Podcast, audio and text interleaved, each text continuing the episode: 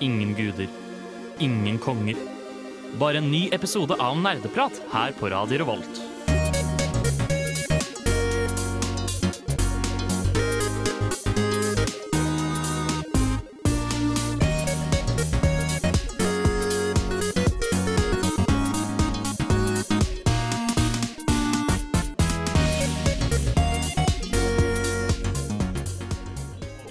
Episode med Nerdeprat. Vi er tilbake i studio nok en gang. Og i dag så skal vi ha monstersending. Vi har helt monstermani her i studio. Kjempekult med sånne ting, holdt jeg på å si. Eh, Jeg er Håkon, jeg er programleder som jeg vanligvis er. Med meg i studio i dag så har vi Tai. Eh, Tor Magnus. Ja. Eh, Vil du si navnet ditt en gang til? Tai. Ja. eh, Og så har vi på teknikk Bård. Ja. Jeg tenker at vi bare kommer i gang med en liten låt før vi skal snakke om eh, hva vi har gjort siden sist. Mm.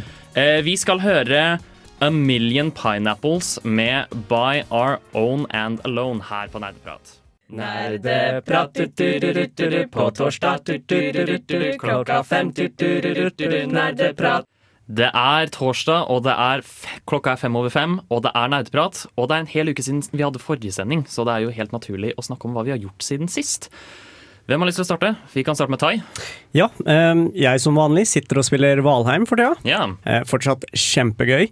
Vi har kommet til et punkt hvor det har begynt å bli litt sånn eh, grindy, da. Slik at vi må gjøre samme ting om og om, om igjen bare for å få nok ressurser for å oppgradere. Hvilken ting er det? Eh, Det er jern. Som vi må det, tingen det, er, det finnes portaler i spillet, um, men du kan ikke teleporte Ors, så du må ta skipet som må gå til en annen øy, og så må jeg må liksom grave, da.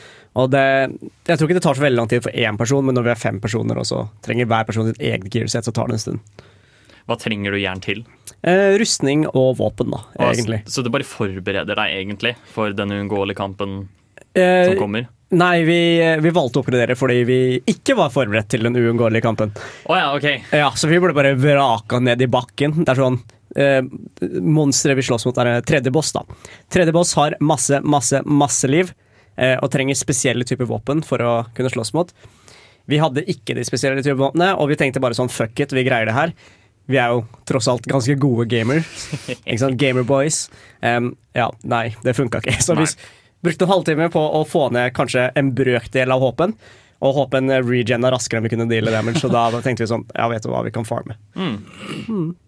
Men ja, du får ha lykke til med det. Jo, tusen takk. Eh, Kos deg med grindinga. Jo, takk. Jeg kan ta neste, fordi jeg har spilt den nyeste og siste DLC-packen til Doom Eternal. Uh. Den kom faktisk forrige uke, rett etter sending, så da hadde jeg noe å komme hjem til og glede meg til. Det var utrolig bra. Hva, hva handler DLC-en om? Eh, DLC-en, kort fortalt, er sånn OK, Doomguy har reddet jorden. Men eh, demonene er fortsatt eh, å rampage rundt. Så, nå, så Doomguy sier bare 'fuck it, vi skal drepe Satan'. Ja, ok. Typisk Ja. ja. Ja. Doomguy-attituden. Og, så, sånn at han liksom kan utslette demonene en gang for alle. Da. Og, det er, og det overraskende nok så er det her avslutningen til eh, det nye Doom-universet Ja, de har skapt. Mm. De har sagt at det ikke kommer til å være det siste Doom-spillet de gir ut, og det håper jeg for guds skyld ikke, Mm. fordi det er så bra. Um, men det er avslutninger på historien, overraskende nok. Mm. Men det, det var veldig gøy. Veldig vanskelig. Nok en gang eh, samme som eh, forrige DLC-pack. Jeg måtte skru ned vanskelighetsgraden fra Oi. Nightmare til Ultraviolence. Fordi det var bare så jævlig vanskelig. Mm. Men det er sånn det skal være. Så jeg har kost meg masse med det. TM, hva har du gjort? Eh, jeg har lest veldig mye siden sist. Jeg er jo en av de kjedelige folka som går på masterstudier akkurat nå. Ja. Og jeg har spesielt mye å gjøre, så jeg har egentlig bare drukna litt i uh, Hollow Night-videoer når jeg har hatt litt fritid. Ja. Uh, videoer fra Mossbag som er liksom, hva skal jeg si, uh, var til video av Hollow Night. ja, altså han gir dyp law om Ja. spillene. Og ellers en speedrunner som heter Fireborn, som er veldig inn i liksom, å speedrunne Hollow Night, og er en Altså, han elsker gameplayet mer enn historien, da. Hvis Mossbag er på en måte han som gir law, så er Fireborn han som tenker mer på gameplay og, og ser veldig kul ut Ja. når han spiller, og gjør disse usaklig syke challengene og, og, og får det til å se bra ut. Så jeg har i hvert fall kost meg litt da mens jeg har lest. Ja. ja, det er bra. Det er viktig. Lesing kan fort bli kjedelig, så da er det kjekt å ha noe i bakgrunnen. Det er det. Ja. Og da er jo faktisk Mossbag og lignende gode valg, mener Ja. jeg, da. Bård, du er til slutt. Uh, ja, Uh, siden sist, altså for to uker siden, så har jeg spilt veldig mye Stellaris, uh, som er et romstrategispill. Eh, I tillegg så plukka jeg opp igjen Devil's Daughter, som jeg så vidt pratet om for to uker siden. Det er fortsatt ikke helt optimalt, men det var ikke så ille som starten tilsa det skulle være. Um, Stellaris plukka du på Humble Bundle? Nei, jeg hadde hatt det for evig siden, men jeg Ah. plukka det opp likevel fordi nederlandsspart innhold, og så Ja. kjøpte jeg også litt til som ikke var i den pakken der, fordi det er, er ganske uh, Hva skal jeg si bra spill. Ja. Eller jeg liker det i hvert fall ganske godt. Mm. Uh, siden forrige uke da, så har jeg hovedsakelig spilt uh, The Hunter Call of the Wild, som jeg fikk plukket opp på salg, fordi det virka som et utrolig kult spill. Du er, det er egentlig bare en jaktsimulator, hvor det er liksom ordentlig simulering av liksom byttedyr og lyder og luft, øh, lukt og øh, ja, sånne ting. Mm. Mm. Men ja, anbefales. Hvis du er interessert i å liksom bruke masse tid på å snike deg rundt og ikke skremme dyrene du prøver å jakte på, og ha liksom, det er et naturreservat som er, ser helt fantastisk ut Uh, Fysikken er litt sånn eh, av og til, men hvis du kan like sånne ting, så ja, definitivt. Ja, ja men så bra. Eh, kanskje jeg skal sjekke det ut. Jeg hadde ikke hørt om det før. Nei, det er, det er veldig realistisk. Ja.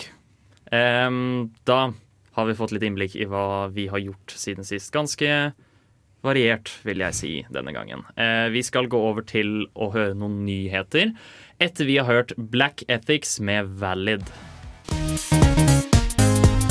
Nerdenytt.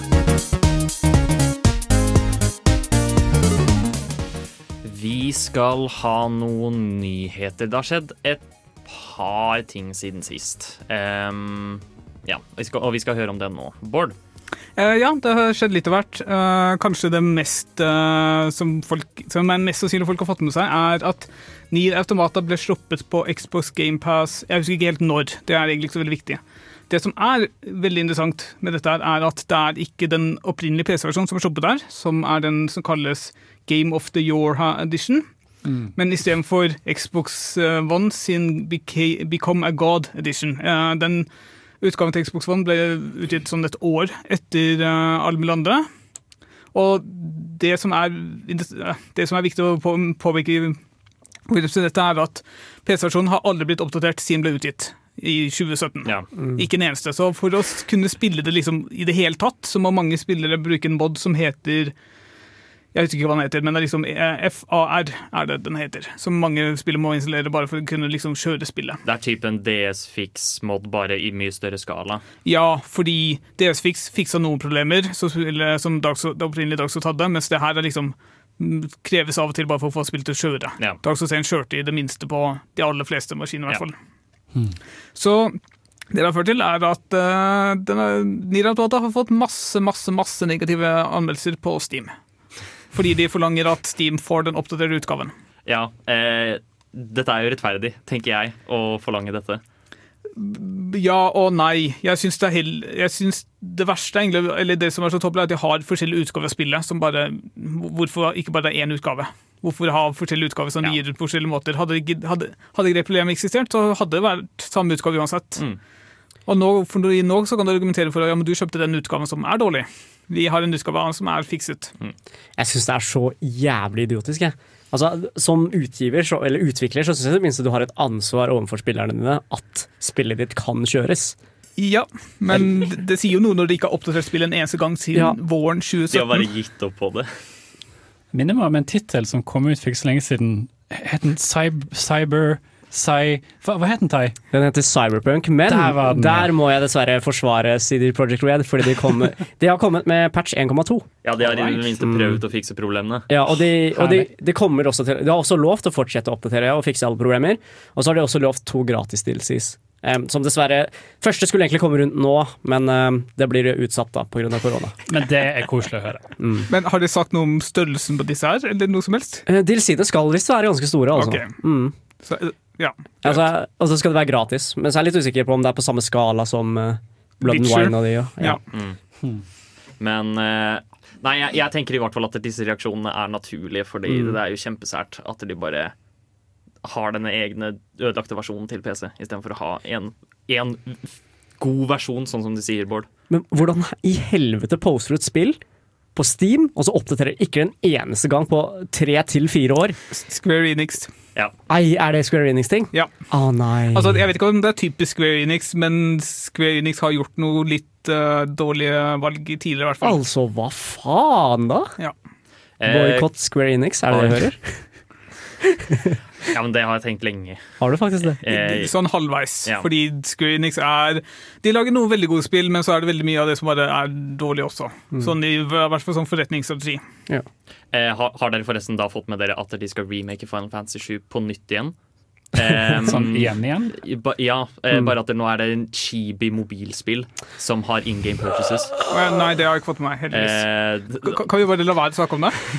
det, det kan vi gjerne. Eh, Det, er også, det skal sies at den er mer faithful til originalen enn det den nye Final Fantasy 7-remaken på PlayStation 4 er. Men eh, vi skal ignorere å snakke om det. Eh, vi skal heller høre litt musikk for å roe nervene nå. vi skal høre Dussy med You My Everything her på Nerdprat, før dere får mer nyheter. Dagens sending av Nerdeprat er sponset av Raid Shadow Le... Ouch! Unnskyld! Unnskyld! Vi er faktisk ikke sponset av Raid Shadow Legends. Det er bare, det er bare på gøy. Um, du hadde en nyhet til til oss, ikke sant, Bård? Ja, stemmer. Uh, fordi uh, Disko Elysium får en ny utgivelse nå 30. mars.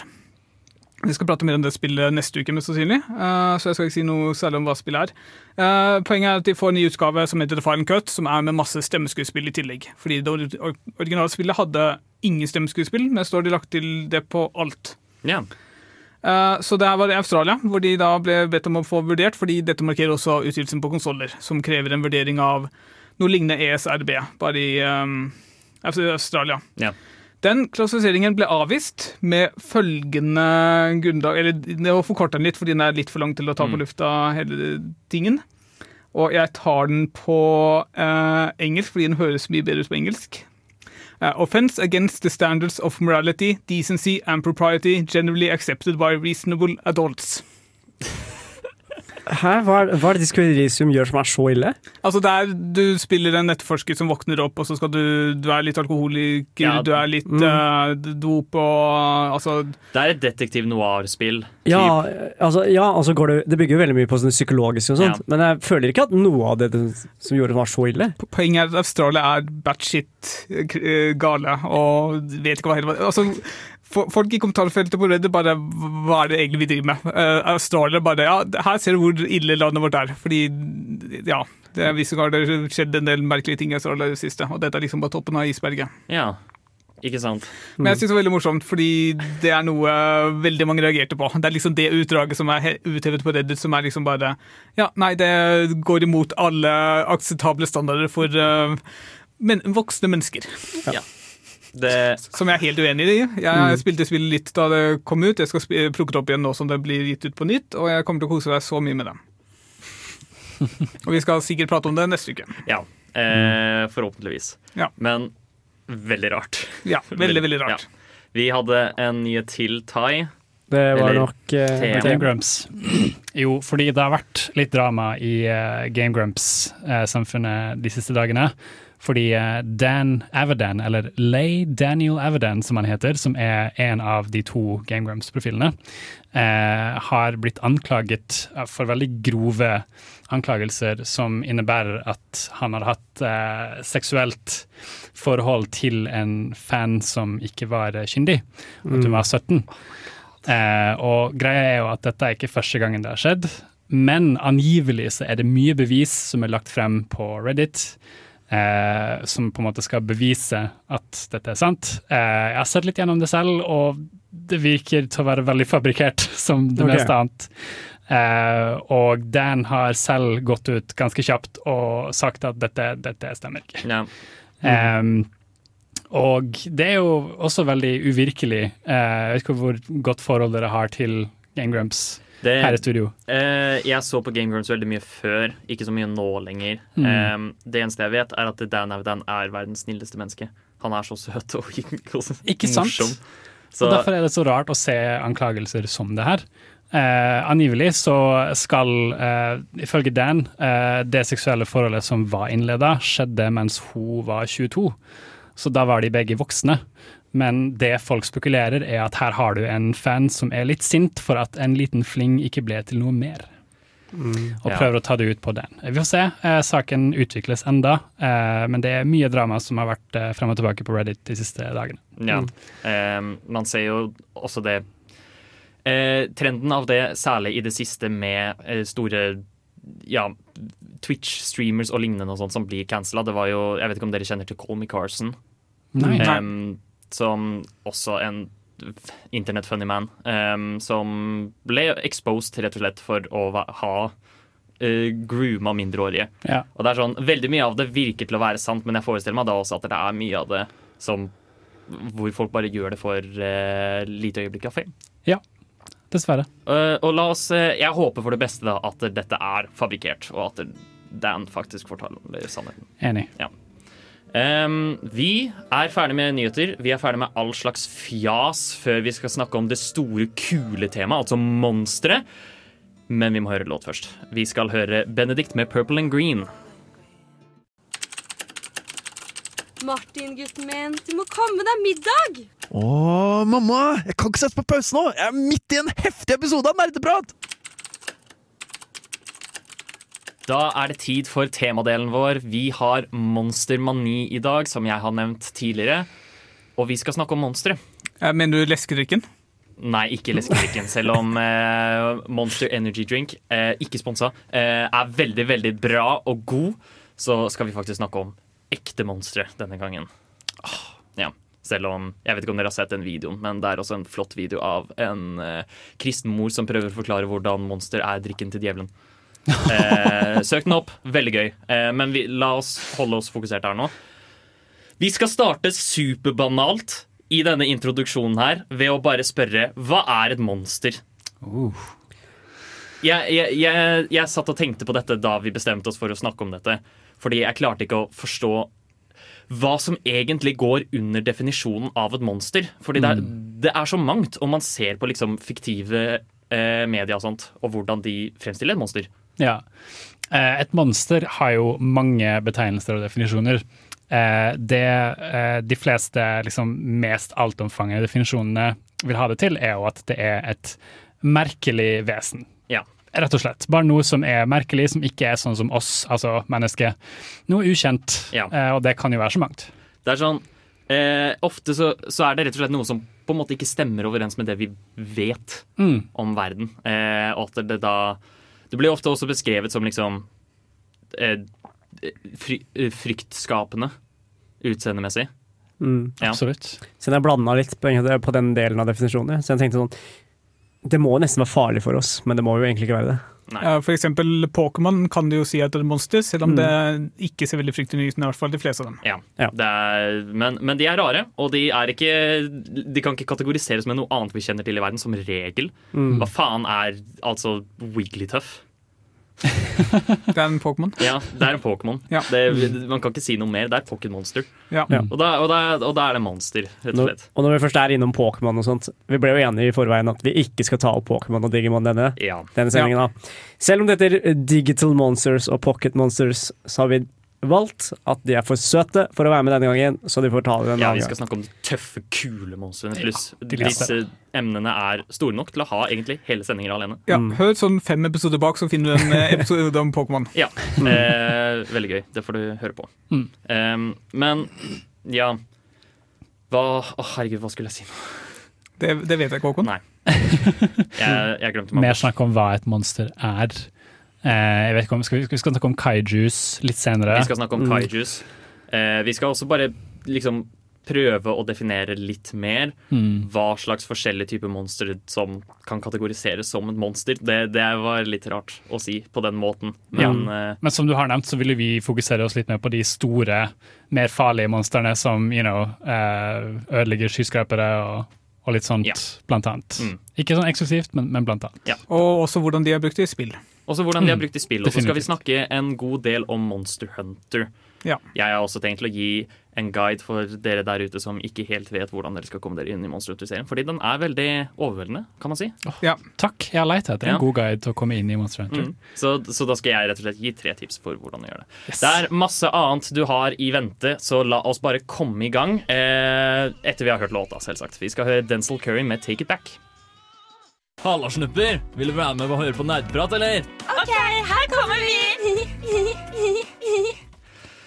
Nå skal vi snakke om eh, de forskjellige typer monstre. Eh, eller nå sier jeg de forskjellige typer, men det er eh, kanskje litt for Begrepet er litt for stort til at vi kan nevne alle typer monster, men vi skal Ja. nevne noen av de. Eh, I hvert fall noen av de som vi ikke kommer til å snakke så mye mer om videre i sendingen.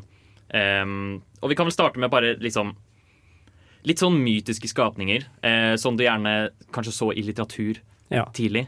Mm. Eh, ta for eksempel Dracula Ja. og Frankenstein. Disse her er eh, gøye eksempler fordi de er menneskelige, i hvert fall i utseende. Mm. I stor grad. De har menneskelige egenskaper og trekk, men de er jo ikke mennesker. Dracula ser du ofte, eller i hvert fall liksom, assosiasjoner til det ser du vel ofte i spill, men Frankenstein tror jeg ikke vi har sett sånn nesten noensinne. Ikke bare i, altså, Det er jo alltids originale Castlevania, da. Har det Frankenstein? Ja. Nei, det Men visste jeg eh, originale Castlevania har så å si alle disse Ja, klassiske litteraturmytiske skapningene. Mm. Um, ja. Ja, altså, det verste delen er da. eh, det, et, det monsteret jeg var mest redd for da jeg var yngre, ikke sant? det var faktisk basert på norsk litteratur. Eller, OK. eh, da har vi godeste Nøkken. Nøkken, vet Ja. Altså, som li, liten uh, Lillehammer-gutt så ble jeg fortalt at Nøkken levde i Mjøsa, så du skal faen meg være forsiktig når du dusjer. Hvordan så Nøkken ut? Eh, Jeg er litt usikker, ass. Siden alle bilder av Nøkken og illustrasjoner var jo sånn derre to mørke øyne under en, et eller annet. Eller to lyse øyne, da. Ja, to lysende øyne fra en liten innsjø eller noe i skauen Mm. eh, under måneskinn. Mm. Så du skal aldri gå i skogen alene, Nei. og du skal holde deg langt under Mjøsa. Er en liten Lillehammer-gutt. Ja. Uh, apropos Nøkken, er ikke dette er, ja, Har ikke The Witcher henta noe inspirasjon fra dette til noen av sine monstre? Det har de sikkert. Det kan godt hende. Fordi jeg vet Um, det er noen vannbaserte monstre som liksom lever i og du tenker på Neckers? vann. Kanskje det, fordi de har Eh, veldig lignende navn, men de Jeg tror de Nøkker ser er vel ikke sånn Eh, ut. Ikke, ikke Neckers, Mm. nei. Men Nei. de har altså folkemytene blant oss, og de er jo mange korrelasjoner. Ja, så det er jo masse der til felles. Så jeg er ganske sikker på at Richard sine monstre er basert på polsk, definitivt eh, for, for det meste i hvert fall. Ja. Ja. Mm. Neckers ligner vel også mer på The Creature from the Black Lagoon, nesten. Er det ikke? Ja, de sånne små gnagere Ja. som ghouls som springer rundt. Ja. Ja. Kan, kan jeg få en liten hot take til når vi først er på tradisjonelle monstre? Du. Ok, Du vet sånn når vi liksom eh, Tinkerbell Ok, se her. Men ok, hør meg først. Tingeling. Ja. Tingeling. Eh, Hør, hør på meg først. Hun er ikke no, Hun er humanoid. Hun er ikke noe som vi kan eh, Hun er, ikke, hun er uvanlig i sin opprinnelse, liksom. Så, og, og derfor, ut fra definisjonen som vi hadde i forrige stikk, så kan jo hun være et monster. Jeg har veldig lyst til å ekskludere feer fra monstre, fordi det er såpass lang historie at, eh, liksom i folkemunn og sånt at det er liksom litt annen ting. Ja, greit, da. Der, uh, hun har strengt tatt en menneskelig uh, Er bare et lite menneske, egentlig. du- hun har jo vinger og med flyr. vinger og flyr. Ja. Uh, men hun er jo ikke et monster. Fordi hun har jo ikke et rart utseende, og heller ikke et eh, fryktskapende utseende. Hun har ganske rart utseende. Nei, Tai. Hun er bare liten. Et takk for ditt hot take, men nei. Ah, wow, Men, okay. men det er fortsatt en interessant take som tar oss inn i egentlig hvor, videre hvor vanskelig det er å definere hva som kan gå under et monster, og hva som bare er sin egen greie. Ja. Ta- eh, Du ja. har zombie, for eksempel, som er definitivt menneskelignende, Mm. men som ser skumle ut og er, eh, har liksom ukjent opprinnelse, litt ukjent hvordan det fungerer, noen sp- de sprer seg på forskjellige måter, alt mulig Mm. sånt. Mm.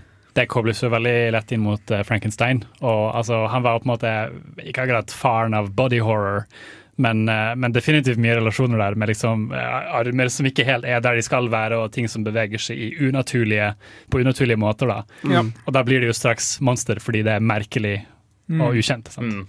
Ja, så jeg føler at et zombie blir til et monster så snart det slutter å ta den tradisjonelle menneskeformen. Så hvis du for eksempel har en, en zombie som har mutert til et eller annet, så slutter det å være en zombie i mitt hode og et monster. Jeg vil si før det allerede. Mm. Når, det, når når det allerede er en zombie. Ja, så altså når, det er, når den er død, selv om det ser ut som menneske, den har litt Mm. lek hud, den, du ser litt sånn sår og sånne ting, så er det fint et monster. Mm. Ja.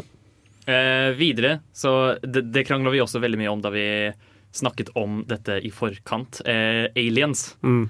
Ta for eksempel vi, vi kan først ta den klassiske xenomorphen da, fra Alien av Ridley Scott. Um, hvor det er sånn Ja, dette er klart og tydelig et monster. Den eh, Utseendet er så enormt fremmed at man kan ikke kjenne det igjen til noe Man kan ikke relatere det til noe som helst. Uh, det eneste det ønsker, er å drepe. Og det er det, liksom. Åpenbart et monster. Men hvis du har andre alien-lignende skapninger, hva hvor, Ja. Jeg vil si det kommer veldig an på liksom, hvordan de portretteres. Fordi romvesenet er et veldig stort og ukjent eh, fenomen, og du vet liksom aldri hvordan de ser ut. Det er kun de selv som må definere seg, selv, definere seg som romvesener før du liksom innser at de er romvesener. ja. Uh, du har jo spesielt liksom kjent i filmuniverset hvor liksom romvesenet kan se ut som hvilket som helst annet menneske. Ja. Og da er det ikke monstre før du liksom innser at ok, det er romvesener. Og da er det litt sånn fortsatt usikkert. Skal jeg definere det som også kun fordi de sier det er romvesen, eller skal jeg bare beholde dem som ikke-monster? ja. Så, så jeg føler egentlig at romvesener ikke er monstre. Selv om jeg føler at Tingeling er et monster, men det er en annen ting. her. Men eh, er at romvesener er jo en helt egen greie. Altså, hvis du, hvis du skal dominere eh, liksom, hvis, du skal, hvis du skal si at alt fra verdensrommet som er annerledes enn oss, er et monster, som gjør Klingons monstre.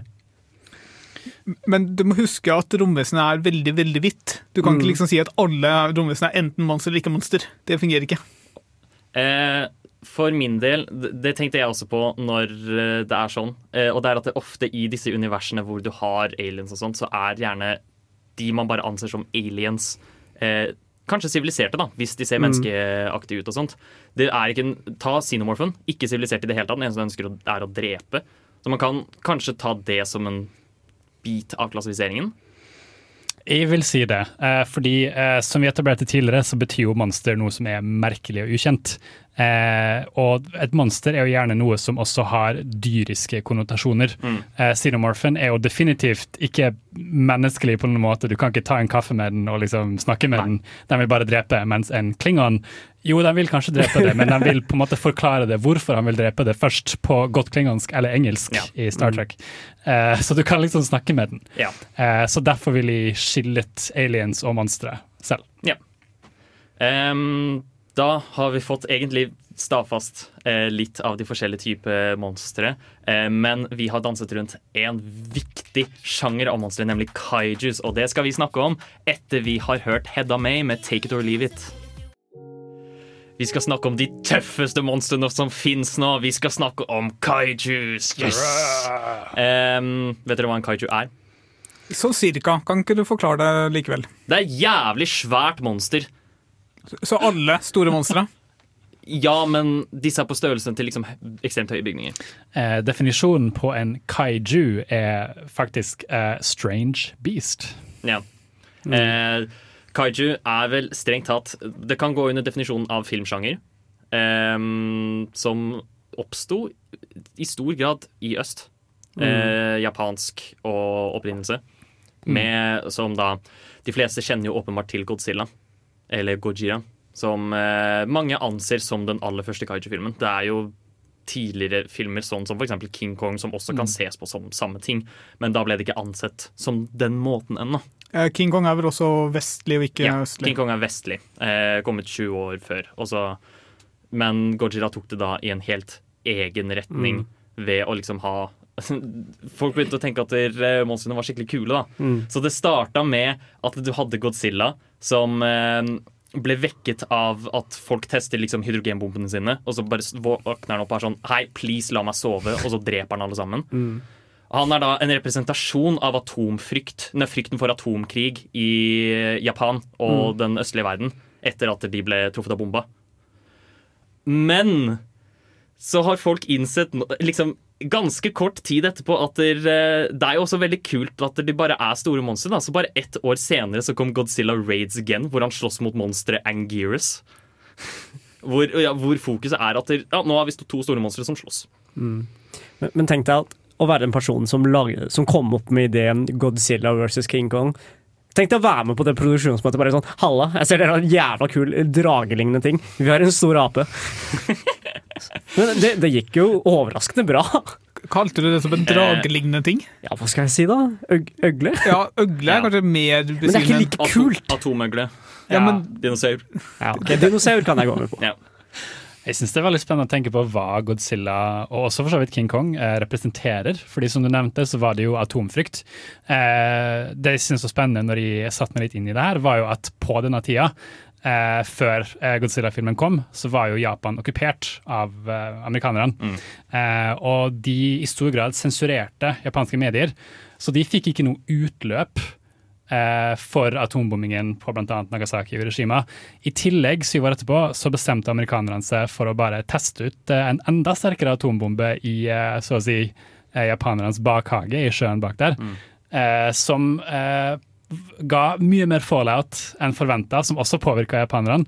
Eh, og følgende år etterpå så kom Gojira ut med så å si det samme premisset av det som måtte hadde skjedd med at det ble droppet en atombombe der. Eh, det var en fiskebåt som ble påvirket. Eh, sendt ut flere, ingenting kom, og så plutselig kommer Gojira og er Ja. da representasjonen av eh, atomkrig eller atombomber. Eh, og King Kong for så vidt, som er liksom representasjonen av eh, svart fremmedfrykt eh, på 30-tallet. Ja. Eh, så det syns jeg er utrolig spennende. Og også hvordan Gojira som representasjon har utviklet seg til å være noe helt annet i dag, relatert til eh, climate change, for eksempel. Mm. Selvfølgelig Kairus har fått veldig sånn PR-makeover.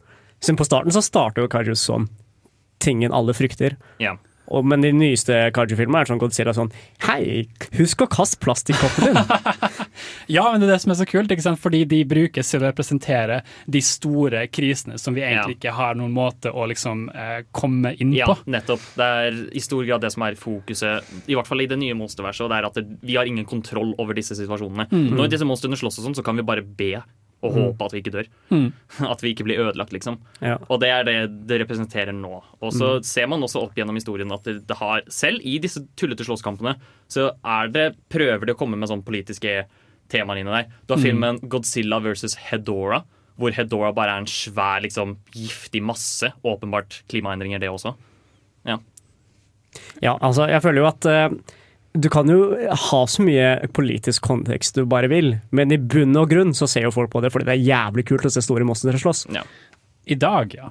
Eh, stemmer det også for eh, King Kong? Fordi hvis jeg husker eh, Peter Jacksons King Kong riktig, så fanger de King Kong og frakter han til New York. ja. For å vise han frem og lignende. Og så drømmer han jo, som er å skape masse ting, men så blir det vel en halvveis grei slutt likevel? I Percy Jacksons King Kong så tror jeg han dør på slutten. Eh, at menneskene dreper Det kan ham. godt hende, jeg husker ikke så eh, godt. Men jeg husker ikke den så godt, jeg heller. Men jeg vil eh, snakke litt mer om disse slåssefilmene, fordi nå har vi poengtert både Godzilla og King Kong som liksom disse metaforene for andre ting. Eh, jeg anbefaler dere så høyt å se filmen King Kong versus Godzilla fra 60-tallet. Fordi det er den mest tullete filmen i hele verden. Fordi du ser, du ser på Godzilla-filmene nå, så er det sånn stor skala hvor uh, det er masse CGI og liksom, ja, De er jo ikke ekte på noen som helst måte, men det ser enormt ekte ut. Før så var det bare menn i kostymer. Uh, og, og de sloss liksom og brukte praktiske effekter og rekvisitter til alt og lignende. Det som var så gøy da spesielt med King Kong vs. Godzilla, er at de oppfører seg veldig menneskelig.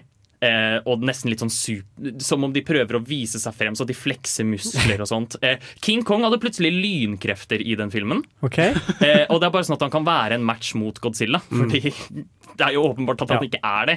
Mm. Så, og der kommer jeg egentlig til poenget, og det er at kaiju-filmer de originale kaiju-filmene det har som du nevnte fått en makeover, men før så var de ekstremt silly. Mm.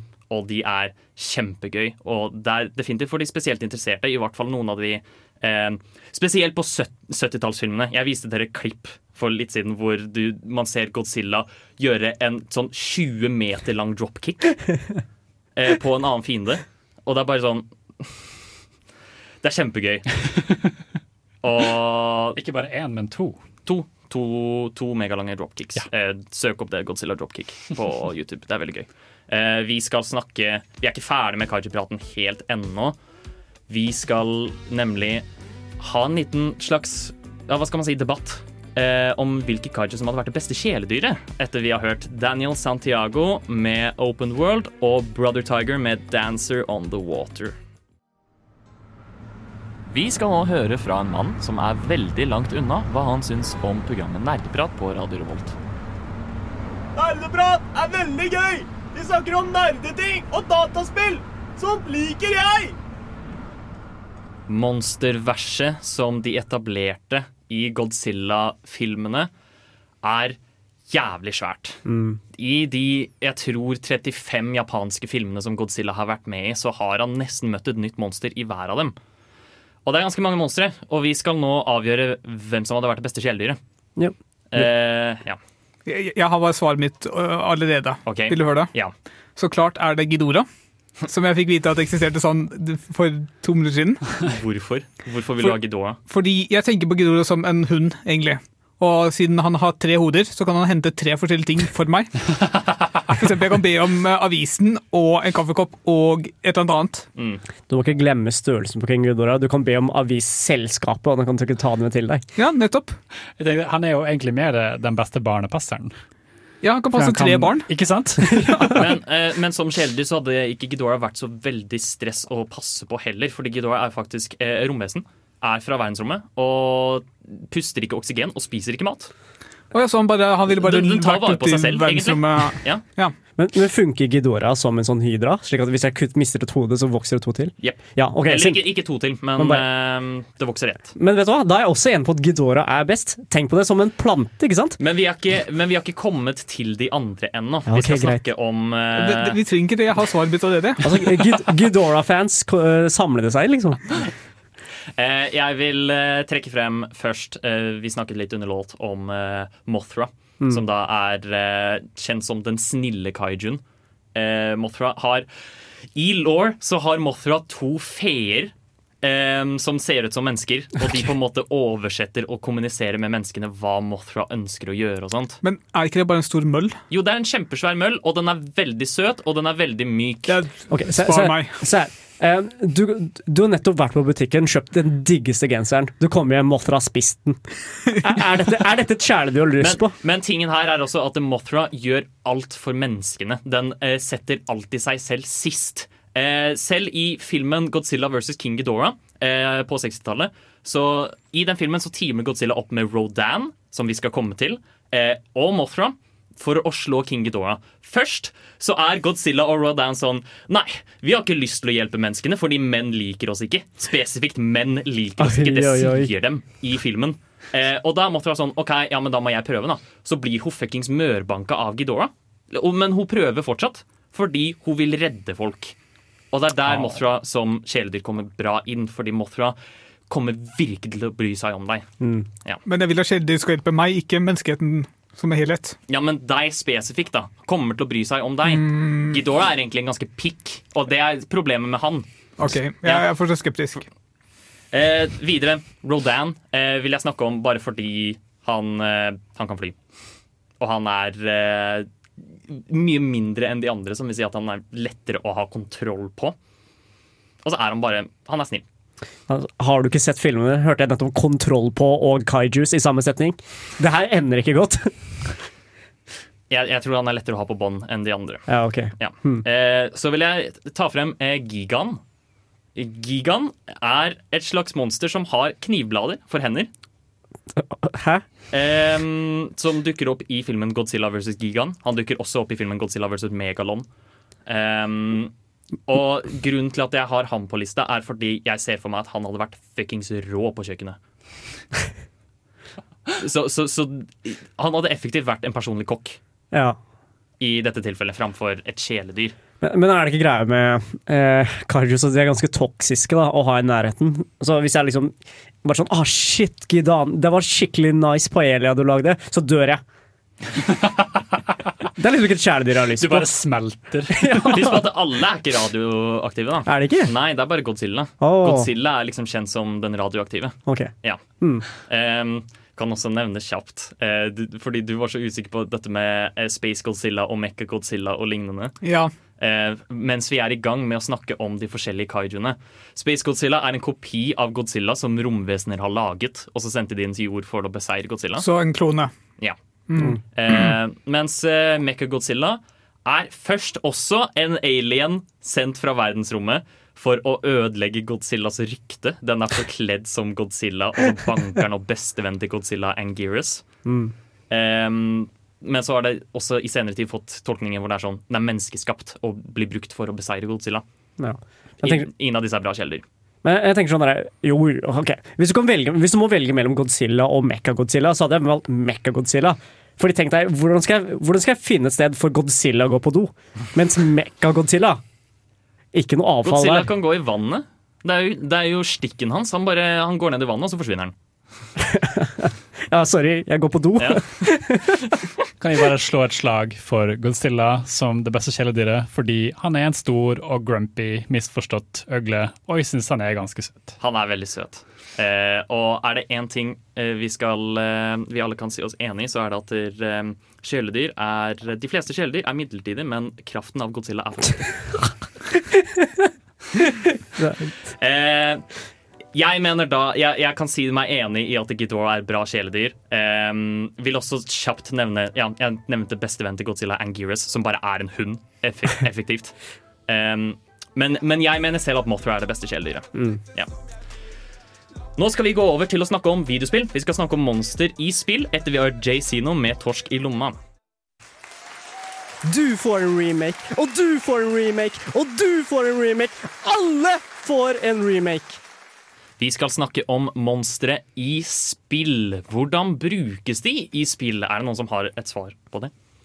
De er vel som regel fiender. da. Ja, som regel fiender. Mm. Eh, og det er fordi Det er noe med liksom og Dark Souls er et kjempegodt eksempel her. Mm.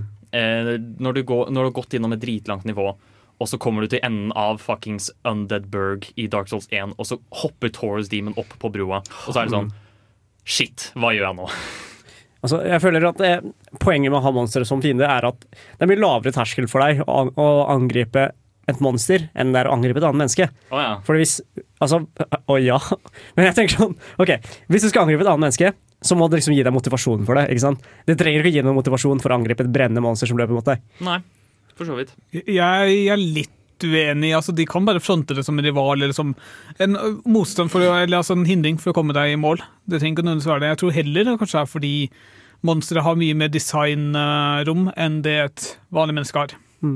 Fra et designsperspektiv så er nok det du sier definitivt sant, Bård. Eh, men fra et psykologisk perspektiv, som Tai går inn på her, så er det eh, ganske sant at hvis du på en måte eh, alienifiserer eh, noe, jeg husker det norske begrepet for det, eh, så, som gjør at det er vanskeligere for det å assosiere det med det, så er det lettere å på en måte bare se på det som et monster som er på en måte bare å bekjempe. Nå er det ikke helt det vi kanskje går inn på Nei. i spill, eh, men eh, interessant nonetheless at jeg går inn på. Jeg, jeg, vil, jeg tenker heller at grunnen til at monstre ofte brukes som fiender og lignende, er fordi de ser ekstremt truende ut. Så det er sånn, om, du- når, du, når du møter en sånn svær monster og sånt, så blir man liksom litt redd. Man blir i hvert fall stressa av å se det, fordi Ja. Jeg har et veldig godt eksempel på det. Uh, I Bioshock så er det en fiende som heter Big Daddy. Ja. Første gang du helt det tatt ser en Big Daddy, så tenker du at den, den der vil jeg ikke møte. Den der håper jeg aldri jeg kommer til å måtte håndtere. Og så- ja, fordi det første du ser av en Big Daddy, er at han fuckings Han har en sånn svær drill, og så bare ødelegger han en fyr. Og det er sånn Det kan være deg. ja. Så jeg husker også veldig godt første gang jeg møtte Big Daddy. Det eneste jeg husker, er sånn Jeg sto stille, jeg frøs, og så bare håpet jeg på at den gikk forbi. Og det gjorde den jo. Ja. Det som også gjør det, det som også er kjempekult med Big Daddy-designet, er at han er ikke aggressiv med mindre du provoserer han. ja. Så Og han er alltid fulgt av en liten jente som han prøver å beskytte. Så Ja. det er liksom det, det, er, det er ikke veldig ofte du ser et sånn duo-ting når det gjelder fiender. nei. Men han bare vandrer rundt, det er liksom greia hans, at du kan møte på han sånn litt sånn når enn? Ja. Ok, for det minner meg veldig om liksom Amnesia også, for Ja. eksempel, hvor du har disse monstrene som bare vanker rundt. Og jeg syns det er så skummelt, fordi du vet aldri hvor du har de, sant? Ja. Og plutselig så må du bare gjemme det, og spesielt i spill som for eksempel Amnesia, da, hvor du ikke er utstyrt med våpen for å kjempe tilbake. Da blir trusselen så mye større. Ah. Det, dette er også mye av grunnen til at jeg liker eh, Resident Evil 2 så godt. Fordi der har du Mr. X som eh, jakter deg rundt på politistasjonen hele tiden. Og det er sånn, Du vet aldri når du kommer til å møte på han. Du kan høre fotsporet hans, så da vet du at det, hvis du hører det, så er han sånn Nei, jeg går i en annen retning. Og, da, og da må du plutselig gå helt rundt, og sånt, men poenget er at du kan ikke drepe han, du må bare løpe fra han. Og det er en, enormt skummelt. Ja. Um, andre eksempler. Uh, vi, jeg og Tai bonda også litt over uh, fienden fra Fallout, Death Claws. Ja Altså, du tenker Deathclaws er jo, hva er det? En stor bjørn, tynn bjørn med masse klorer, med knivskarpe klør. Ja. Ja. Um, det er jo et veldig ikonisk monster fra Fallout. Altså, det ser jo ganske skummelt ut, men det er ikke sånn umulig å drepe skummelt, så du prøver jo som regel å gå på den. Uh, men så plutselig så dreper den deg, alt du står bak, og alle dine elskede på to sekunder. Ja. Og det er et problem. Jævlig sterk. Eh, og, det, og den er sånn Den angriper deg med en gang den ser deg. Ja, det er si skummelt. hvis du bare går rundt eh, i Wasteland, og så ser den deg Sjokk. Ja, Ordentlig skummelt. Terror, rett og slett. ja. Det, er, det er sånn få monstre i spill som kan utøve samme nivå av horror på, på deg mens du spiller, som en Deathclaw. Mm. Mm. Og jeg syns det er mye av eh, det interessante med monstre og bruken deres i spill, at det er et så stort fokus på frykten av å møte dem, eller hvor stor slags eh, hindring de er, har som funksjon. Vi skal snakke om et spill som har 100% fokus på monstrene, nemlig Monster Hunter. Men før det så skal vi gjøre to låter. Vi skal høre Frøkedal og Familien med Sun og Glass Beach med Neon Glow. Nå Endelig skal vi snakke om Monster Hunter. Jeg får aldri nok av å snakke om dette spillet, og derfor snakker jeg om det nesten hele tiden. Jeg har aldri hørt deg snakke om Monster Hunter. Nei. Altså. Jeg prøvde å komme inn i Monster Hunter for lenge siden, men, men jeg synes det var så vanskelig å komme inn i. Håkon, hva, hva er det jeg gjør feil? Altså, hva er det som er så greia med Monster Hunter? Det skal vi komme inn på etterpå. Oh, ja, okay. Først så skal vi snakke litt om hva Monster Hunter er, og hvorfor det er så jævlig fett, og hvorfor right. du burde spille det. Eh, Monster Hunter er et spill hvor du blir kastet ut i en verden som bare er hvor hvor monstre er greia, liksom. Det er, Ja. alle, alle dyrene du møter, er monstre, og de har forskjellige liksom roller i the food chain og lignende. Ja. Det er kanskje verdt å nevne at det er en ganske stor spillserie nå blitt også. Det er liksom ikke kun ett spill. Ja. Selv om veldig mange vil kanskje kun kjenne til et spill. Ja. Eh, de fleste vil nok kjenne til Monster Hunter World, men eh, det kom faktisk så langt tilbake som tidlig 2000, hvor det første Monster Hunter kom på PlayStation 2. Så jeg, jeg mener de tidlige Monster Hunter-spillene bare var populært i Det var egentlig hovedsakelig populært i Japan, Ja. men det har blitt altså, i de siste få årene i hvert fall, blitt veldig populært i Vesten også.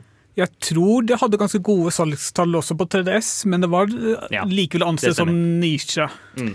La meg prøve det her på nytt igjen.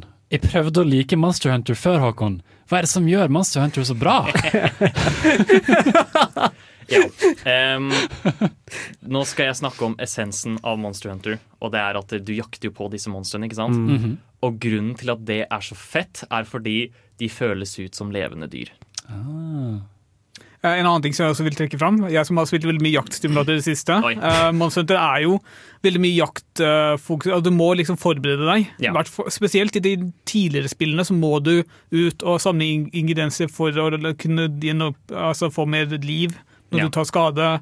Du må kanskje til og med også velge ut riktig våpen. Uh, um, Det er enkelte items som også fungerer bedre på enkelte monstre. ja. Uh, rett, rett og slett Og så må du lære deg hvordan monsteret fungerer. Ja. Du må vite hvor den er sårbar, hvor, hvilke type angrep skal du Eller er det monsteret også, om du, hvorvidt du skal liksom uh, bruke klubbe, eller om du skal bruke Ja. sverd. Ja. Det stemmer. Høres veldig ut som, eh, som The Witcher, egentlig. Eh, men, men liksom i, i Final Fantasy, for eksempel, så springer du opp til monsteret, og du bare slår det sant? fra Ja. avstand. Det, det ser veldig sånn OK, whatever. Men her så er det faktisk en, en hel anatomi rundt hvordan monsteret beveger seg, yeah. og du må virkelig liksom passe på å være varsom med hvordan du approacher eh, dette monsteret. Ja, absolutt. Det er eh, Nesten alle slags bevegelsene til monstre kan på et eller annet vis skade deg. Det kan være så simpelt som at den bare snur seg, og så slapper den deg med halen. Ja, ikke sant? Um, så man må være bevisst på det hele tiden. Og ta for eksempel eh, Du har et fint monster som heter Anganath, som bare er en ja, T-rex som skyter ild. Eh, og som er, har liksom ve veldig mye snørr. Det er en av karakteristikken, karakteristikkene dens. At den har veldig mye snørr. Og den er veldig høy, som vil si at våpen som f.eks. greatsword og lignende vil ikke ha like lett for å treffe dem. Så da må du finne enten måter å slå han ned på, eller bytte til et annet våpen som kan treffe han høyere opp. Så det er sånne forberedelsesting hele tiden. Og det tar meg til slutt til den siste tingen, som er selve monstrene. Og det er at de føles virkelig sterke ut. I det spillet så er det, som nevnt, primærfokus er å hunte monstre, og det er det eneste du gjør. Det er stort sett den eneste Quest-typen du finner. Og de varer alt fra liksom 15 minutter til en halvtime. Og det det, fordi det skal være jævlig vanskelig å drepe disse monstrene. Mm. Og, det, og det føles virkelig sånn ut, for det er ordentlig vanskelig å drepe disse monstrene. Det tar tid, liksom. Ja. Uh, nå, jeg vet ikke om det stemmer for alle spillene i serien, men du må jo også liksom bruke tid på å faktisk finne det. Du må Ja. finne spor, spor, altså spore dem. Også når du har liksom nok informasjon om masse, så dukker du kanskje opp på kartet ditt. Og så Ja. kan du begynne å gå dit og faktisk begynne å drepe deg. Mm. Men du kan ikke bare drepe deg i ett jafs. Du må, Monster kommer til å flykte fra deg på et tidspunkt, kanskje det med flere tidspunkter, og da må du finne det igjen. Jeg antar at det aspektet ved å måtte finne de har vel eh, blitt mindre og mindre nødvendig når liksom online guides og sånn kommer ut senere. Nei, de har, de har selv automatisert det liksom Ja. mye bedre. Sånn nå Ok. Før så var det rett og slett eh, du henter det oftere, så du skjønner hvilke områder den pleier å henge. Men nå har de også adda noe som heter Scoutfly, som rett og slett bare leder deg til hvor monsteret er, når du har funnet nok spor. Ah, Ja. ok. Ja, som gjør det lettere å jakte på dem. Men etter hvert som du ja, blir kjent med monstre, så trenger du ikke Scoutfly selv lenger, fordi du vet hvor de kommer til å være. Ja. Mm. Men de er liksom tilfeldig plassert på banen, i hvert fall i Monster of the World. Mm. Um, det som også er så kult med monstrene, er at de, som nevnt, du kan slå på dem dritmye, men de kommer bare til å slå tilbake hvis du ikke er forsiktig. Uh, og da må du treffe svake punkt og sånt, slå dem ned, og alle sånne type ting. Så de er ordentlig sterke, og det er jævlig kult. Nå, kjære TM, nå har vi snakket om hvorfor Monster Hunter er jævlig fett, hvorfor du skal spille det. Etter vi har hørt eh, K-Fax Pretty Light, så skal du vite hvordan du skal spille Monster Hunter. Ohayo, minisan, konnichiwa. Du hører på Nerdeprat, nja-nja. På Radio Revolt, desune. Uvu. Vi skal nå lære dere hvordan man spiller Monster Hunter. Jeg vil starte. Ja, Jeg, har, jeg har Det eneste tipset du egentlig trenger å vite, spill Monster Hunter World. jeg er enig. Men Håkon, jeg prøvde å komme meg inn i Monster Hunter før, men jeg klarte det ikke, for det var så vanskelig. Hvordan kommer man seg inn i det? Tips 1 spill Monster Hunter World. Ok, jeg, jeg kan gi en litt dypere beskrivelse. Jeg kan si hvorfor jeg egentlig ikke liker de tidligere Monster Hunter-spillene. Fordi de har det er, en viss, det er veldig mange for- forbedringer som blir gjort med Monster Hunter World. For eksempel, de tidligere spillene har en lasteskjerm per subsone. Altså, du har en sone hvor liksom også beveger seg imellom. Det er kanskje delt inn i ti subsoner og sånt. Nå ser jeg på Håkon fordi jeg er litt usikker. Rundt 10 til 14 ish. Ja. Og mellom hver gang mellom hver de, så er det lasteskjerm.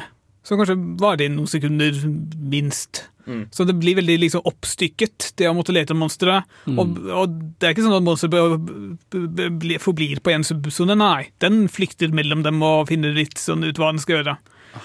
Så det blir veldig mye lasting og sånt. Og så tror jeg nå jeg, har ikke spilt, jeg har ikke fått spilt så mye av de spillene, så jeg vet ikke helt hvor mange forbedringer som er gjort i forhold til liksom forberedelser og sånt. De men jeg- gamle spillene er generelt veldig mye mer clunky og krever egentlig veldig mye mer forberedelse enn World gjør. Ja. For, nettopp fordi Ta for eksempel, du har et ekstremt simpelt item som whetstone. Eh, du har eh, Våpenet ditt har det som kalles sharpness. Etter hvert som du bruker våpenet ditt, så mister det sharpness, og da gjør det mindre damage.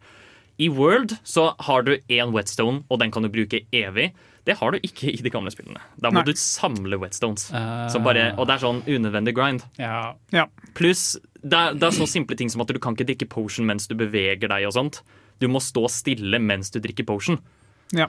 I tillegg til at uh, jeg er ganske sikker på at Vøl la jo til noe sånn uh, system for å huke tak i monstre og komme deg på, på det, på ryggen og sånne Ja. ting. Det finnes jo sikkert ikke på de gamle spillene. fordi for å være ærlig, uh, 3DS er ikke den beste grafiske prestasjonen som Mount- finnes. Mounting ble faktisk adda i Monster Hunter 4, men Ok. eh, det er ikke så viktig. Fordi da har de faktisk fjerna i Rise. Å ja, Um, stemmer. de har bytta det ut for at du kan kontrollere monstrene nå. Ja. Men, men uansett, vi skal gå videre til guiden. Selve guiden. Det her er de viktigste tinga du må vite når du skal spille Monster Hunter. Det første er forbered deg selv. Forbered deg på jakten, bli kjent med monstre. Um, når du går inn Vi kan ta et eksempel. da, da Første gang jeg kjempa mot eh, monsteret Diablos, så ble jeg grust. Og det er rett og slett fordi han har et angrep hvor han graver seg ned i bakken. Og så, og så rusher han mot deg, og så popper han opp, og så bare knocker han deg vekk. Og, og jeg ble oneshot av dette, og jeg var sånn Jeg har ikke Jeg kan ikke få noe bedre gear enn dette her. Det er et eller annet jeg gjør feil. Og så fant jeg ut at det er en spesifikk fiende som gir deg et item som heter Screamer Sack. Og dette kan også craftes til det som kalles en slags screamer pod. I hvert fall i Monster Hunter World så kalles det screamer pod. Og hvis du skyter denne i bakken, så lager den ekstremt skarp lyd. Og hvis du bruker denne når Diablos graver seg ned under bakken, så popper den opp. Og så er den stuck i bakken litt. Grann. Og da var det sånn, Bare ut av skjer forberedelse og lære meg de forskjellige itemsa, så ble den fighten så mye lettere. Men har de lagd et item som bare kan brukes for én ting? Nei. Og det er fordi det, det bare varierer veldig hvem du kan bruke det mot. Okay. Så det er eh, Du har også en annen item som heter flashpod, hvor, som skyter et slags blendende lys. Og dette stønner de fleste monstre, men mot flyvende fiender så faller de ned fra lufta. Så du vil spesielt ha flashpods mot fiender som kan fly. Ja. Og da er det bare sånne ting du må huske på når du går mot monstre. Videre, eh, når du skal velge en weapon class, bare ta ett våpen som du liker. Prøv de ut først, og så ta ett som du syns er kult og som du liker godt. Kjør med det helt til du forstår de generelle mekaniksa av slåssing i spillet. Um, og så må man tenke det, det siste tipset jeg egentlig har å gi, i hvert fall combat-messig, er at spillet fungerer egentlig ganske mye som Dark Souls. I forhold til combat, og det, Da må du tenke at du, du tar hits der du kan, og så ruller du vekk og prøver å dodge angrep ellers. Ja, eh, Et lite tips jeg også har. Eh, Hvis du spiller alene eller med kun én medspiller, så har du en liten kattelignende Ja. hjelper uh, som kan faktisk eh, bruke instrumenter. Men det som kanskje ikke alle får med seg, er at den kan bruke forskjellige typer instrumenter. Ja. Som du plukker opp gjennom å gjøre ting i spillet. Ja. Så den du starter med, er ikke nødvendigvis den beste. Så jeg mener husk at den er relativt bra. Den eh, også jo, Jeg har ett siste tips, og dette gjelder spesielt for World. Og det er eh, når du har alle disse forskjellige våpnene, så har, har du også forskjellige elementer og lignende på våpnene. Som du kan ha et våpen som har iselement eller flammeelement og sånt. Ikke bry deg noe om det. Ikke tenk noe på det, fordi det har ekstremt lite å si. Og det er nyttig på kanskje to våpen. Det er bue og dual blades. Ja. Og det er egentlig bare sånn generelle tips. Har dere noen spørsmål? Er det, kan du bytte rundt på våpen som du vil, eller burde du holde det til ett hovedsakelig? Jeg bytter rundt på våpen som jeg vil, men det var når jeg ble bedre kjent med spillet og hvordan det fungerte. Eh, Du bør fokusere, lære deg å bevege seg til ett våpen først, Ja. og så ha kanskje et hovedfokus på det, og så kan du prøve deg litt fram til det. Fordi en annen ting er at uh, det å få nye våpen er ikke veldig enkelt. Du starter med basisvåpen i alle klassene, men så må du ha veldig mye ressurser fra drepte monstre for å lage nye våpen, og det kan være vanskelig å ha flere sett med sånne. Er det noe våpenklass dere anbefaler til å starte med? Longsword. Jeg spiller med longsword i World. Ja.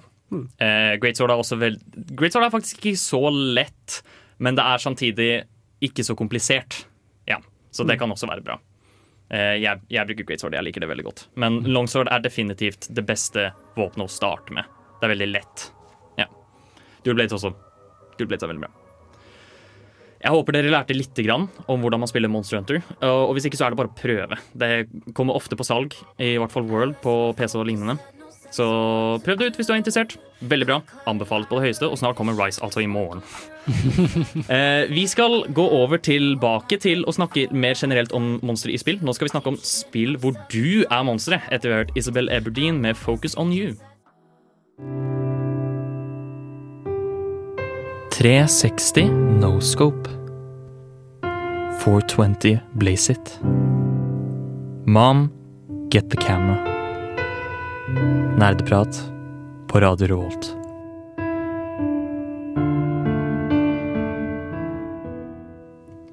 Nå skal vi snakke om spill hvor du er monsteret.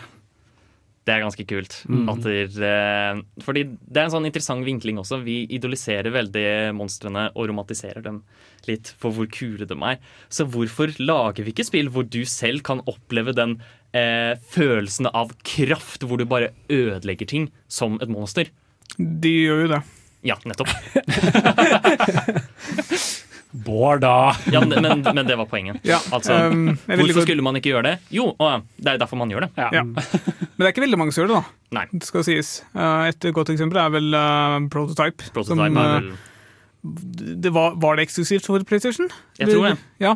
Uansett, du spiller et menneske som har blitt genmodifisert eller infisert av et eller annet, så du får litt supernaturlige krefter, du har en uh, arm eller noe sånt som ja, er supersterk eller noe sånt. Ja. Og så prøver du å Jeg husker ikke helt hva plottet er i, i spillet. Det, det var litt forglemmelig, men Mm. uh, det var veldig kult å løpe rundt på bygninger lignende sånn Spiderman og sånne ting, og bare slå lø- denge løs på ting. Ja. Vi må jo også ikke glemme det store, det fantastiske Pokémon Mystery Dungeon, hvor du våkner opp og er et pocketmonster. Det, vi snakket i stad om at vi ikke skulle snakke om Pokémon, så nå må du skjerpe deg. Jeg. Jeg jeg har et annet eksempel. Uh, The Darkness, som også sånn uh, lignende spill hvor du prøver å Du har blitt infisert av noe og skal prøve å nei, demon, tror jeg. Du har blitt, blitt uh, Mm. tatt kontroll over, og skal da prøve å drepe masse politistyrker for å komme deg ut og finne, finne hva som har skjedd med deg. Ja. Litt, Ikke jeg, jeg spilte ikke så mye av det, så det er derfor jeg ikke husker historien. Den er ikke like forglemmelig som prototypen nødvendigvis. Mm. Fordi selv så kommer jeg ikke på egentlig så mange spill hvor du er monsteret. Eh, Jeg tror det var litt der eh, min dårlige spøk kom fra. Eh, Har du flere eksempler på spill hvor du er monsteret? Um, vi kan først bare snakke litt om det der, Fordi der er det jo nesten definert som et menneske som har blitt til et monster. Ja, Og da er det på en måte kanskje lettere å sette seg inn i rollen også. begge disse spillene er jo nettopp det. Ja. Og det er jo det som ofte er tilfellet, tror jeg. Det er veldig sjelden at du liksom styrer rent monster. Men det finnes jo også eksempler på det. For eksempel eh, Natural Selection er et spill hvor du eh, som er todelt. Eh, Du har et lag på mennesker og et lag med monstre. Sånn faktiske monstre. Altså ikke noe genmodifisert, bare altså, noe som prøver å beskytte redet sitt, eksempel. Lignende. Så har du også Maneater, da, Ja. som er det kule, kule hai-RPG-spillet hvor du bare er først en ganske svak hai, så blir du en monsterhai. Så det er ganske kult, Ja, egentlig. hvor uh, Der er power fantasyen at du kan hoppe opp på båter og spise folk. Mm. Altså, du kan ikke bare spise folk, du kan spise båten. Ja. Jeg vil også sånn kort bare drøfte inn altså, For eksempel i The Witcher. Du er ikke nødvendigvis monstre, men du er litt uglesett av store deler av befolkningen. Eller kanskje Ja. ikke store deler av befolkningen, men av deler av befolkningen. Du føler deg litt som et utkast, og du blir jo beskrevet som en monster av flere av personene du møter i spillet. Ja, Geralt er jo strengt tatt en mutant. Ja. Fordi han er jo på en måte flere deler av andre ting. Ja, og så tror jeg også at um, The Witcher 3 idoliserte veldig Geralt, men i bøkene så er han stygg som faen. Ja, det er sant. Mm. Eh, vi kan gå tilbake hvor du styrer faktisk liksom de faktiske monstrene. da. Mm. Eh, veldig klassisk eksempel er spillet Rampage. Hvor, eh, tenk deg et slåssespill med kaijuer. Og det er egentlig det. Hvorfor prata ikke dere om det forrige uke? Hva mener du? Slåssespill- Nei, fordi det er ikke tradisjonelt slåssespill på okay, den måten. greit. greit. Eh, det er mer sånn OK, ene styrer ett monster, den andre styrer et annet monster, og så blir dere plassert i en by. Og så skal dere rampage i byen, oh, og så skal dere ut. drepe hverandre til slutt. Er poenget, da. Det er veldig gøy. Eh, ikke så veldig bra spill, men det er fortsatt ganske gøy. Og det er sånn Når jeg spiller det, så føles jeg meg svær og jeg føler meg mektig, og det er sjukt gøy å gå rundt og knuse alle bygningene. ikke sant? Ja, man føles jo veldig kraftig. Ja. Eh, Et siste eksempel som jeg også gjerne vil nevne her, er Carry On eh, av Devolver Digital. Hvor de rett og slett setter deg i rollen som en The Thing-lignende skapning. Hvor du bare flyr rundt og du suger til deg mennesker og masse sånt, akkurat sånn som i eh, The Thing eller nesten Akira. Ja, så, Og der òg har de designet kontrollene veldig intuitivt, hvor du har en slags eh, reticle. Hvor du eh, sikter til hvor du skal hekte deg på veggene og sånt. Det, det er ganske kult, og jeg anbefaler det. Det er heller ikke så dyrt. Men sjekk ut noen av disse. De, veldig bra spill for å få deg til å føles ut som at du er monstrum, mektig power fantasy. Vi er ferdig med temadelen. Eh, vi skal eh, jazze litt eh, etter vi har hørt Kalina med Why Are We Still. jeg liker egentlig veldig godt å jazze med gutta. Det er jo så gøy. Ja, spesielt med nerdeprat. Nerdeprat er så koselig å jazze med. Ja, ja, jeg er helt enig i det. Ja, ja altså, de burde jo egentlig hett Jazzeprat, de. Du hører på Jazzeprat. Velkommen til Jazzeprat. Dette er radioprogrammet eh, hvor vi jazzer rundt og bare chiller, egentlig. Eh, preker skit om hva enn det er. Ja. Ja. Eh, Men, men vi er fortsatt nerdeprat. men vi er fortsatt nerdeprat. da. Ja. Dette, er, dette er vår nye spalte. eh, hvor ja, vi bare, vi bare runder av med litt rolig jazzing. Jeg vil eh, starte denne jazzerunden med å ta opp eh, en sak som jeg har tenkt veldig mye på, spesielt i det siste. Og det er hvordan Donald Duck er en av de absolutt mektigste karakterene i Final Fantasy-universet kanonisk. Men er han, er han en del av Final Fantasy-universet pga. Kingdom Hearts? Ja. Men Å, gud! er, er ikke det en separat ting? Er ikke det en blanding av to universer? Jo, Men- men, han er fortsatt en del av Final Fantasy-universet, fordi Final Fantasy-karakterer er der. Jo, men altså, det at du tar to folk ut fra to forskjellige universer, betyr ikke at du, lag, at du liksom tar dem tilbake igjen i Big-universene. Jeg er ganske sikker på at det er sagt at han er i Final Fantasy-universet. Det, det kan godt hende. Eller at Kingdom Hearts er i Final Fantasy-universet uansett. Men eh, poenget mitt da er eh, Du kjenner jo litt til Final Fantasy Board, så det kan hende du tar denne referansen. I slutten av Kingdom Hearts 3 så caster eh, Donald Duck spillen Zeta Flair. Eh, som- litt. Ja, ehm, som er eh, en spill kun mulig å kastes av nær gudlignende skapninger. Okay. Eh, for å ta et eksempel, Bahamut, som er eh, denne ja, svære dragen som har, er ganske stor i Final Fantasy-universet. En gjenganger. Ja. Eh, Kasta en gang Gigaflare på et kontinent, og det tok 500 år å bygge det opp igjen. Oi. Og Zetaflare er bokstavelig talt en million, 100 millioner ganger sterkere enn det Gigaflare er. Så får, Tenk på all den kraften fuckings Donald Duck har! Når han klarer å caste den Zetaflaren, og han er på lign, nivå med lignende guder, og så klarer han fortsatt ikke å fange de jævla ekornene. E- Eller uh, han har så mye problemer i Quack Attack. Ja, Det var, det var tidligere i hans karriere. Ja, Eh, det jeg lurer på, er om Ole Dole og Doffen vet at faren deres er en gud. Har de arvet om denne de har arvet arvet kreftene fra han, fordi I, I mean, da er det store nyheter for Ole og mm, ja. Eh, nei, det, jeg tror ikke de vet det. De, de var ikke til stede da han casta Setterflair. Okay. Eh, for å videre illustrere det. Eh, kraften til Zetaflare eh, i power level skrives som én etterfulgt av 21 nuller. Ja, Ok. opphøyd, ja, riktig. Ja. Mm. Det er ganske mye. Men, men nå lurer jeg på um, Siden de, er- de er i samme univers, kunne de ikke bare spurt Donald Duck om å fikse det meste av problemene? Eller og Donald Duck, sier jeg. Onkel Skrue. Altså, når du har noen som er nær gudlignende i kraft, og du sliter med en liten Xenoheart, så er det bare en setup flere unna å fikse hele problemet. Ja, men det er, det er nettopp det han gjør. Han obliterater Xehanort med en setup Oi. Men det, men det dreper Donald selv. Åh, Oh. det, fordi det, det er ikke hvem som helst som kan caste Zetaflare, men bare det at han får det til. Betyr det at Donald nå er død? Nei, han kommer tilbake. det er Kingdom Hearts, du spør Ja. ikke det spørsmålet. um, det var min lille lufterunde. Jeg har, bare, jeg har tenkt på det veldig. Det, jeg har ikke klart å sove av det. det som er litt morsomt, at Jeg har også noe relatert til Donald Duck. Ja, OK. Eh, fordi Forrige ukes spørsmål var hvilket univers har du lyst til å kombinere i uh, slåsspill. Og Tai ødela litt for meg fordi han valgte eh, Kingdom Hearts. Ja. Fordi mitt opprinnelige svar ville vært Ducktales. altså Folkene i Andeby. Og nå fikk jeg mitt andre svar under den sendingen, og det er Monster Hunter. Å nei! Og det har jeg faktisk skikkelig lyst til å se. Oh, det der er jo for brutalt. Nei, det Jeg går ser- helt fint. Jeg ser for meg at B-gjengen er en stands-karakter, hvor du bytter jevnt mellom de forskjellige Ja. folka i B-gjengen. Og når du har hans sett av flere. Ja, Magica er en eh, soner.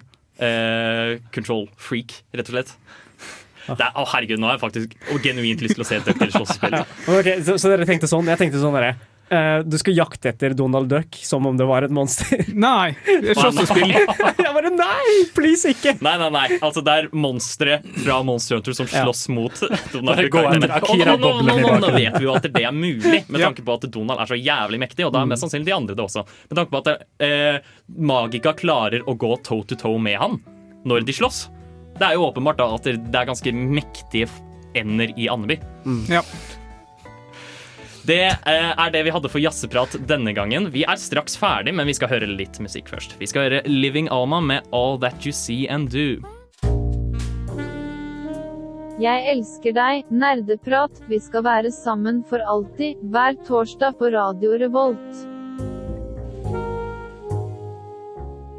Vi elsker deg og robot, men vi må dessverre si adjø for denne gang, fordi vi er ferdig med dagens sending.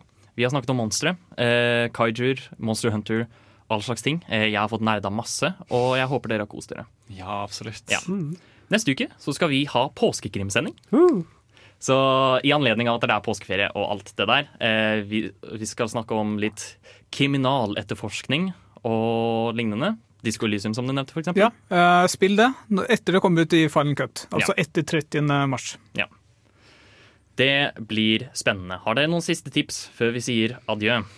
Stellaris er på Humble Bundle, og du får ganske mange Det er veldig mye penger for, for spillet. Liksom. Ja. Det kan jeg skrive under på.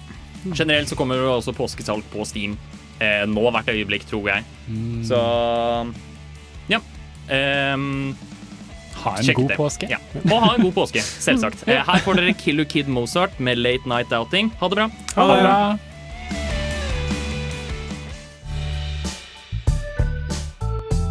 Du har lyttet til en podkast på Radio Revolt, studentradioen i Trondheim. Sjekk ut flere programmer på radiorevolt.no.